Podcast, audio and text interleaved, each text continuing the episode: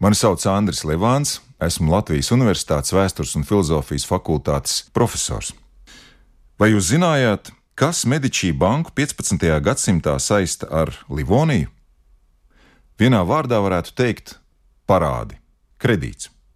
Tas viduslaika pasaulē nebija nekas rets, ka cilvēki bija ņēmuši kredītus, un tad viņiem nācās šos parādus arī kādā brīdī atdot.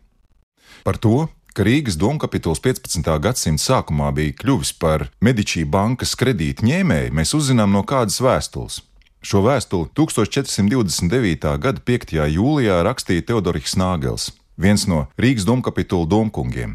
Viņš tajā brīdī atradās ļoti svarīgā misijā Romā, proti viņam bija jāaizstāv Rīgas tiesības pāvest kūrijā, strīdo ar Vācu ordeni. Šis strīdus ilga teju vai 60 gadu.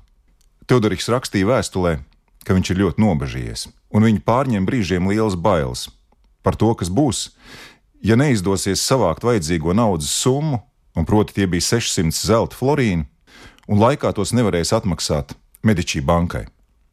Kā ķīlu par šiem 600 zelta florīniem Rīgas domkapituls bija Medičī bankā atstājis visas tiesības un privilēģijas.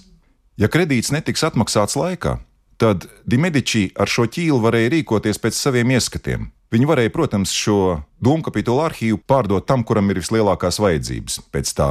Un aritmētika tajā brīdī bija ļoti vienkārša. Teodoriks Nāgels zināja, ka pircējs būs Vācu ordenis, un ja šis pircējs, Rīgas baznīcas niknākais ienaidnieks Livonijas politikā, iegūs šīs tiesības un privilēģijas, tad Rīgas arhibīskaps un domkapituls būs spiesti vācu ordeņa diktātam Livonijas politikā pakļauties, ko nekādā gadījumā nedrīkstēja pieļaut.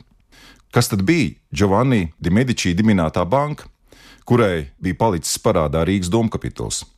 Šīs bankas aizsākumu meklējām jau 13. gadsimta nogalē, kad florenciešu pazīstamā tirgotāju dzimta de Medici dibināja pirmos kredītu uzņēmumus Visveiksmīgākais šajā dzimtā bija Giovanni de Medici, kurš 1397. gadā atjaunoja šo banku uzņēmumu, toreiz sākdams ar starta kapitālu 10 000 zelta florīniem. Un dažu gadu laikā viņam izdevās izveidot ļoti stabilu kredītu uzņēmumu. Viņš atvēra bankas filiāles Romā, Venecijā, Milānā, Dženovā. Taču vecuma dēļ viņš nolēma banku lietas uzticēt turpmāk Kozimo un Lorenzo de Medici, proti saviem dēliem. Un tieši ar Kozimo un ar Lorenzo krustojās Teodorika Nāgela ceļi Romā.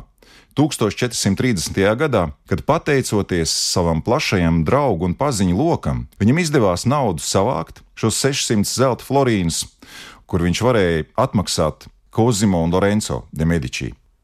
Kad parāds bija atmaksāts, Teodoriks rakstīja uz Rīgu, ka beidzot viņam no pleciem ir nokritis milzu sloks, ka viņš nenovēl nevienam kļūt par Dimedičī bankas parādnieku.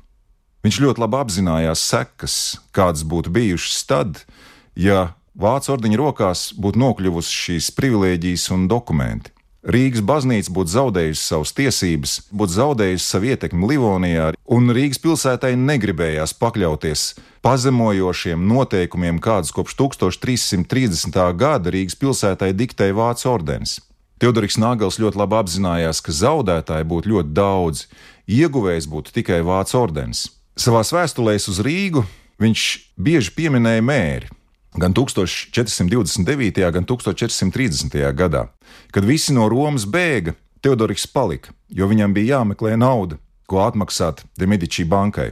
Un tad, kad parāds bija atmaksāts, tad vēstulēs uz Rīgu viņš rakstīja, ka apzinoties situāciju, kāda būtu bijusi, ja tiesības būtu zaudētas, tās būtu nonākušas Vācu ordeņa rokās, tad iespējams situācija Livonijā būtu vēl postošāka un ļaunāka nekā tad, ja Livonijā plosītos mērs.